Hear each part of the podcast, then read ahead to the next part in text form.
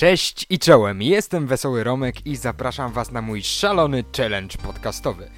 Pierwszy dzień tego niesamowitego, heroicznego i skrajnie nieodpowiedzialnego wyzwania już za nami. Z tej radości upiłem się i obudziłem się ze srogim kacem, nie tylko moralnym, ale również finansowym. Na dodatek o mały włos zapomniałbym o nagraniu odcinka numer 2 i już na samym początku miałbym niezłe tyły do nadgonienia. Na cel tego drugiego odcinka wziąłem sobie film, na który przez chwilę czekałem, po czym kiedy wszedł do kin, no, no to właśnie, nie udało mi się go obejrzeć. Chodzi mi o film Warcraft, początek z 2016 roku. I pewnie wielu z Was pewnie w tym momencie już swój palec e, kieruje w stronę przycisku pauza. Spokojnie, zostańcie do końca, nie pożałujecie. To tylko 10 minut z waszego życia. Skoro i tak słuchacie tego podcastu w jakiejś kolejce w Tesco, to przecież żadna strata. Wziąłem się za Warcrafta z jednego powodu. A tym powodem był znany youtuber i twórca podcastowy Paweł Opydo, który kiedyś w jednym z odcinków podcastu Zombie vs. Zwierz powiedział, że jako jedna z niewielu osób w Polsce jest zadowolony po seansie yy, kinowej adaptacji Warcrafta. I to mnie zastanowiło i w pewien sposób popchnęło do tego, aby na własnej skórze sprawdzić, jak Duncan Jones, reżyser filmu, poradził sobie z kwestią przeniesienia kultowej gry Blizzarda na srebrny ekran. Fabuła biegnie dwoma torami, które w pewnym momencie zaczynają się ze sobą krzyżować. Na tej linii numer jeden mamy orków, wojowniczą dziką rasę zamieszkującą umierający świat. Głównym bohaterem po tej teoretycznie złej stronie jest Durotan – herszt plemienia mroźnych wilków. Razem ze swoją wybranką życia, która jest w ciąży, przybywa na wezwanie Guldana, tajemniczego orka, który para się paskudną magią zwaną zepsuciem albo spaczeniem. To w zależności od tłumaczenia. Owo zepsucie, spaczenie dotyka każdej żywej istoty i czerpie z niej energię. Dlatego też Guldanowi potrzebne są ofiary – im więcej ofiar, tym silniejsze jest e, zepsucie spaczenie, tym więcej potrzeba ofiar i tak to koło się nakręca.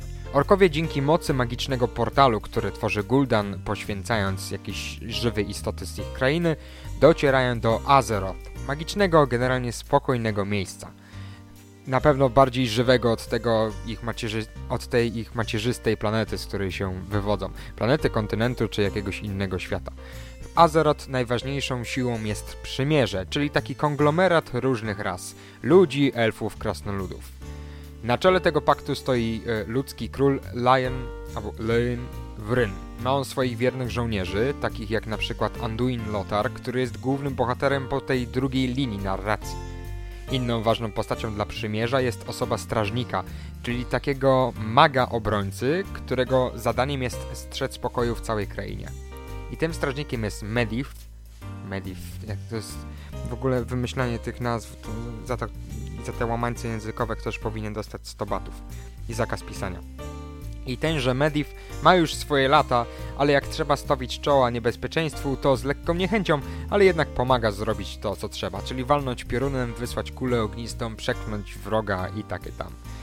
No i potem fabuła wydawałoby się, że idzie takim dosyć sztampowym torem, orkowie napadają, ludzie starają się bronić, wszystko zmierza ku wielkiej bitwie, napisy końcowe, kolejna część, yy, liczenie pieniędzy, box office wyrąbany po prostu pod, pod sam sufit. No i tak by można pomyśleć, prawda, po tym moim krótkim wstępie. Otóż nie. Nie chcę jakoś wielce spoilować, więc powstrzymam się od dokładnego opisywania każdego aspektu fabuły, bo takie są założenia tego podcastu, ale co muszę powiedzieć to to, że Paweł Opydo faktycznie miał rację.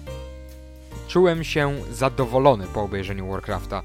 Oczywiście poziom ekscytacji nawet nie zbliżył się do tego, jaki odczuwałem mając 13 lat i po pierwszym obejrzeniu Władcy Pierścieni, ale no nie ma tutaj czego w ogóle porównywać, no bo Władca Pierścieni to jeżeli chodzi o filmy fantazy to jest taki taki niemalże miernik idealny. To tak trochę jak jest z metrem i różnymi innymi wzorami w, w muzeum w Sèvres. Przepraszam za mój fatalny francuski. To jest tak, że jeżeli ktoś tworzy jakiś film fantazy, to Władca Pierścieni jest takim wyznacznikiem, który, po którym możemy określić, czy ten film jest zły, średni, no czy może prawie tak dobry jak trylogia Petera Jacksona. Ale nie byłem i właśnie biorąc pod uwagę ten miernik, Warcraft mieści się gdzieś w powiedzmy w tej kategorii średniej, niezawodzący. Y, nie byłem nim rozczarowany tak jak byłem innym filmem o tematyce fantazy, co do którego żywiłem również bardzo duże nadzieje, czyli y, o, chodzi mi tu mianowicie o film Eragon. W ogóle weźmy sobie tą nieszczęsną adaptację książki Christophera Pauliniego i porównajmy do Warcrafta. Wspominam o Eragonie, ponieważ będąc nastolatkiem bardzo lubiłem książki i cała ta historia, jeźdźcy smoków i tak dalej, jakoś tak mi przypasowały i, i, gdzieś tam grały na takich nutach, które mi się podobały. Oprócz tego, że od momentu wypuszczenia trzeciej części do wypuszczenia czwartej zdążyłem przeczytać Wiedźmina, część Gry o Tron i jeszcze masę innych książek i jakoś potem ekscytacja mi spadła. Ale wróćmy do tej cholernej adaptacji, która złamała mi serce i do dzisiaj pamiętam, że najlepsze co co, jedyne co mi zostało w głowie po seansie Aragona w kinie to y, reklamy przed rozpoczęciem. Widziałem wtedy zapowiedź y, kinowych Simpsonów po raz pierwszy. I to niech to będzie wyznacznikiem, jaki był ten film. Y, bo nie dość, że był straszliwie miałki i jego fabuła była pisana chyba na kolanie, mimo że no, była książka, którą można było zadaptować i ta historia książce była całkiem niezła. Dodatkowo do tej całej masy grzechów trzeba doliczyć jeszcze kiepskie efekty specjalne i bohaterów bez głębi. A w Warcraftie jest trochę inaczej. Historia zyskuje dzięki pokazaniu tej drugiej strony konfliktu. Do tej pory, jeżeli oglądaliśmy historię z podznaku lochów i smoków, obserwowaliśmy głównie perspektywę tych teoretycznie dobrych, czyli wspomnianych już przeze mnie wcześniej ludzi, elfów, krasnoludów. Tutaj natomiast widz ma szansę spojrzeć na tę historię jeszcze raz, ale z punktu widzenia tych teoretycznie złych, którzy, jak się okazują, wcale nie są tylko bezmózgimi maszynami do podbijania, mordowania i brania w niewolę. Durotan, czyli nasz główny orkowy bohater, jest jedną z najlepszych postaci w tym filmie, a podkładający mu głos Toby Kebbell spisuje się naprawdę nieźle. W ogóle orkowe głosy są takie twarde, yy, takie dzikie i wszyscy aktorzy się naprawdę dobrze spisali. Żeby jednak nie było tak pięknie, jest jeszcze ta druga szalka, na której, znajduje się, na której znajdują się dosyć irytujące wady. No film na początku cierpi na coś, co można nazwać syndromem Łotra 1, czyli rzuca widza chaotycznie w różne miejsca, przez co pokazuje zbyt dużo naraz i no, oglądając to nie jesteśmy w stanie ogarnąć, gdzie tak naprawdę będzie toczyć się akcja filmu, który oglądamy i na czym mamy się skupić i właściwie co się dzieje. Te, przez te 15 minut panuje taki narracyjny chaos, co nie jest, co nie, no, nie można tego dać do plusów. Yy, słów jeszcze kilka na temat efektów specjalnych. Ponieważ po filmie pojawiły się różnego rodzaju mm, zarzuty w kierunku tego, że te efekty były takie przerysowane i generalnie nie przypadły wszystkim do gustu, no bo, no bo faktycznie trochę trącą tandetą. Tak jak wspomniałem, przerysowane raczej odchodzą od realizmu niż się do niego zbliżają. Tu pojawia się jednak pytanie, czy jest to efekt małego budżetu, czy raczej celowe zagranie twórców filmu, którzy chcieli w ten sposób dopasować się do estetyki gry. Tak, zbroje w filmie w Warcraftie są tandetne, orkowie wyglądają jakby dopiero co zeszli z green screena, a czary przywołują skojarzenia z jakimiś efektami z Adobe Special Effects. Jednak z tego co pamiętam, to trzecia część Warcrafta również nie była ostojem realizmu, te zbroje były takie właśnie wielkie, miały przywoływać niemalże arturiański kanon, czary też y, biły kolorowością po oczach. To nie był, no nie powiem, brudny świat Tolkiena, no, bo tam jednak było całkiem sporo kolorów. Ale porównując tam ten, powiedzmy Mordor, czy ten Eisen, czy też Isengard, a porównując sobie Hordę, to tych kolorów jest zdecydowanie więcej. I to mogło trochę przeszkadzać, no bo uderzało w ten kanon Władcy Pierścieni. Tutaj znowu się pojawia ten, ten wątek tych porównań. Yy, jak, ja nie czułem się jakiś specjalnie ja nie czułem się jakoś specjalnie urażony, zaakceptowałem tą stylistykę, no co potem mi pomogło e, w jakimś takim lepszym odbiorze Warcrafta. No, jest niestety parę aspektów, które kładą ten film dokumentnie. To jest przesadny patos i momentami beznadziejne dialogi. Chcąc uniknąć spoilerów, tak jak wspomniałem, powiem tylko, że momentami moje gardło aż się ściskało od cringe'u. Chodzi mi szczególnie o scenę w kanionie, jeśli będziecie oglądać, to zrozumiecie o co mi chodzi. Mm, naciągane jest ta scena jak stare gacie, e, a tak samo jeszcze jest naciągana końcówka filmu, która wywołuje więcej śmiechu niż nerwowego oczekiwania na rozwiązanie problemu. Powiem tylko, że jest, jest tym coś z Dawida i Goliata i z pierwszej sceny w Troi, ale zostawię wam tylko tyle, żeby nie psuć zabawy aż tak bardzo. No, gdzieś tam wewnętrzny szyderca we mnie w trakcie oglądania tej takiej wydawałoby się pełnej napięcia sekwencji trochę wybuchnął śmiechem. No i najgorsze na koniec, fatalny wątek romansowy. To tak jak wciskanie tego na siłę, wszędzie jakieś takie miłości yy, między bohaterami, tam gdzie jest to kompletnie niepotrzebne historii, to jest taki tak straszny rak toczący niektórych, niektóre filmy rozrywkowe, że aż boli.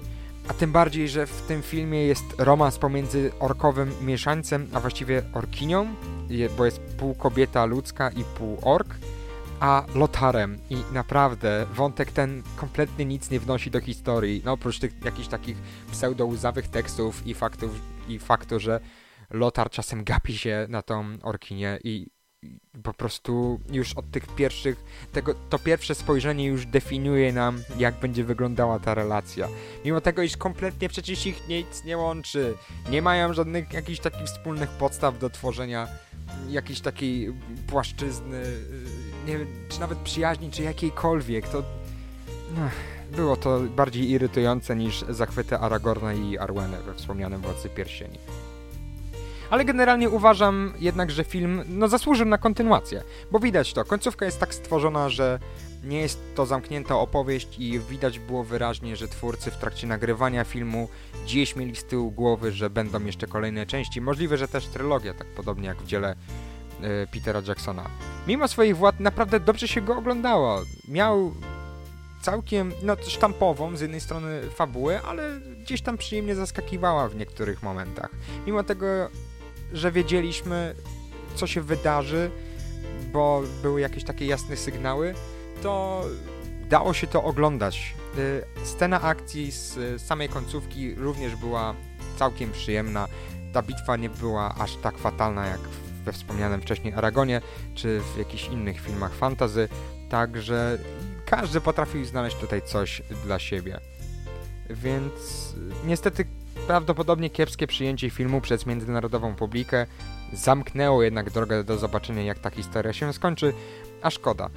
Aczkolwiek obstawiam, że ponieważ jest to adaptacja gry, i która, która to gra stworzyła całe uniwersum, to na pewno gdzieś tam w jakichś książkach, yy, czy też w jakichś opowiadaniach, czy komiksach, gdzieś ta historia, jeżeli yy, ktoś ze słuchających nie jest fanem Warcrafta, czytał i, i może mi powiedzieć mm, coś więcej na temat tej historii, która została pokazana. Może to jest jakaś ekranizacja czegoś, co się już pojawiło wcześniej w książkach czy też w komiksach, to niech da mi znać, bo ja chętnie sobie bym zobaczył, jak to się dalej rozwinie. Y, nie grałem nigdy w Warcrafta, tego, y, tą grę komputerową, ani w strategię, ani w World of Warcraft, także nie siedzę aż tak bardzo w tym świecie, ale to, co zobaczyłem, było bardzo ciekawe. Więc jeżeli szukacie całkiem całkiem niezłego filmu fantazy, yy, których, no powiedzmy sobie szczerze, nie ma jakoś wcale dużo. Tak szczerze mówiąc, oprócz tego Aragona, to co jest jeszcze? Jest ten nieszczęsny Złoty Kompas. oprócz tego, no dużo, dużo nic. Nie ma takich opowieści rycerskich. No, Król Artur się pojawił ostatnio od Gaia Richiego. Ja go też bym chętnie obejrzał. Yy, czy też od danego Boyla, teraz już nie pamiętam, musiałbym sprawdzić to też jest w sumie jakiś fajny temat, żeby go kiedyś poruszyć, bo te filmy science fiction pojawiają się czasem w ilościach hurtowych i takie marki jak Gwiezdne Wojny, czy Star Trek, y, czy nawet ta gra Endera, y, ale spójrzmy na przykład, o, w serialach sobie całkiem nie, że fantastyka radzi, no bo Gra o Tron, no, jeden z najlepiej zarabiających, jeden z najdroższych jeden z najchętniej oglądanych i wyczekiwanych serialów w historii serialów prawdopodobnie no mógłby pewnie konkurować tylko z Dynastią i Niewolnicą Izaurą i innymi takimi cudami e, serialowymi. E, I myślę, że to właśnie sukces Gry o Tron sprawił, że tych filmów nie ma aż tyle. I jakby się nad tym zastanowić, to ten format serialowy wcale nie jest e, najgorszym pomysłem. Jeżeli chodzi o takie długie historie, które zazwyczaj trafiają się, w, jeśli chodzi o fantazy. Nie wyobrażam sobie na przykład, żeby ktoś zekranizował powiedzmy Pana Lodowego Ogrodu jako, nie wiem, trzy filmy albo, albo nie wiem, no, jakby książkę zmienić w jeden film. No byłoby ciężko, byłoby to długie dzieło. Na pewno warte obejrzenia, jeżeli by to robił ktoś z dużym budżetem i z y, umiejętnościami. No Wiedźmina filmowego już dostaliśmy. No tak, no właśnie, jeżeli mówimy o filmach fantazy, nie zapominajmy o Wiedźminie i tym gumowym smoku. Podsumowując już, bo niepotrzebnie to rozciągam, zapomniałem, że miałem mówić o jednym filmie, a nie tworzyć jakieś niesamowite felietony na temat kinematografii światowej. To był Warcraft początek, rocznik 2016. Obejrzyjcie, jeżeli chcecie obejrzeć sobie jakieś całkiem spoko fantazy, polecam. No i cóż, y, film numer dwa y, podcastu 100 vs 100 za nami. Y, cały czas staram się jakoś dopracować formułę, mam parę pomysłów, być może pojawią się w kolejnych odcinkach, kto wie. A na razie dzięki, że poświęciliście mi te 17 minut czasu. No i do usłyszenia już jutro. Cześć!